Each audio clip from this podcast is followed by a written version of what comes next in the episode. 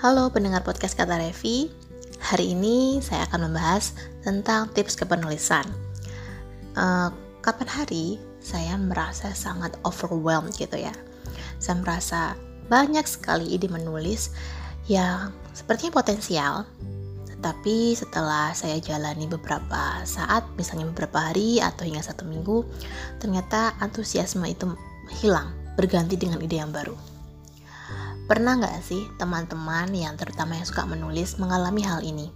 Kita memiliki banyak sekali ide. Kalau misalnya writer's block kan kita merasa nggak punya ide atau merasa cepat gitu ya kalau e, kalau mau menulis lagi. Ini berbeda dengan yang saya alami. Jadi lawan katanya dari writer's block, saya punya banyak sekali ide menulis, baik yang fiksi maupun non fiksi hingga artikel. Akan tetapi, saya bingung mau mulai dari mana hingga akhirnya saya nggak menulis sama sekali. Makanya akhirnya saya mulai mencari cara agar masalah ini terselesaikan. Karena rasanya pusing sebenarnya. Ada banyak sekali hal-hal yang ada di dalam kepala saya, tetapi tidak bisa saya tuangkan dengan baik lewat tulisan. Jadi hari ini saya ingin berbagi beberapa tips singkat bagaimana caranya agar kita bisa fokus untuk menulis eh, baik itu artikel maupun buku dan juga memilah ide mana yang bisa kita kembangkan dan ide mana yang mungkin kita simpan dulu sebagai tabungan ide atau bank ide. Yang pertama yang saya lakukan ketika akhirnya saya merasa this is the time to stop this. Jadi saya merasa uh, ini waktunya saya nggak terlalu mengikuti hasrat yang ada di dalam kepala. Maka saya ambil buku jurnal atau catatan atau apa pun yang bisa kalian pakai untuk mencatat. Usahakan mencatat uh, dengan buku dan pena ya. Jadi nggak pakai gawai atau handphone supaya lebih clear gitu.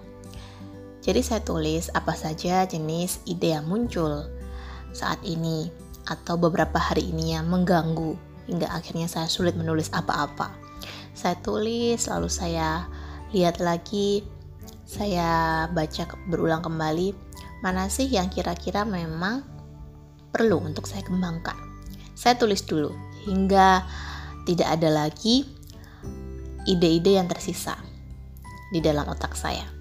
Lalu yang kedua, setelah saya mencatatnya, saya melihat lagi vision board atau papan impian dan juga rencana bulanan saya yang sudah saya buat atau minimal yang sifatnya mingguan deh. Kalau saya sih suka membuat rencana mingguan ya, selain resolusi besar yang saya buat di awal tahun dan juga saya bikin lagi di pertengahan tahun setelah beberapa rencana di awal tahun sudah tercapai. Jadi, saya lihat lagi.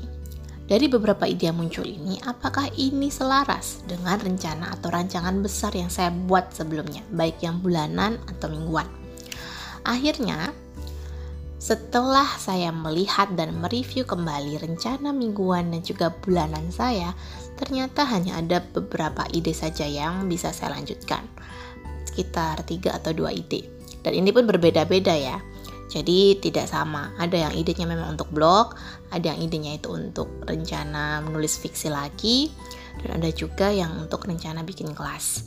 Jadi akhirnya saya bagi menjadi tiga hal ini. Uh, akhirnya saya bisa lebih fokus pada tiga topik ini. Sebelumnya, saya punya ide macam-macam. Ada ide kelas itu sampai tiga poin. Ada ide untuk nulis fiksi itu sampai empat poin atau empat judul. Terlalu banyak. Hingga akhirnya saya menemukan satu topik dan satu jenis ide untuk masing-masing bidang yang sedang saya tekuni.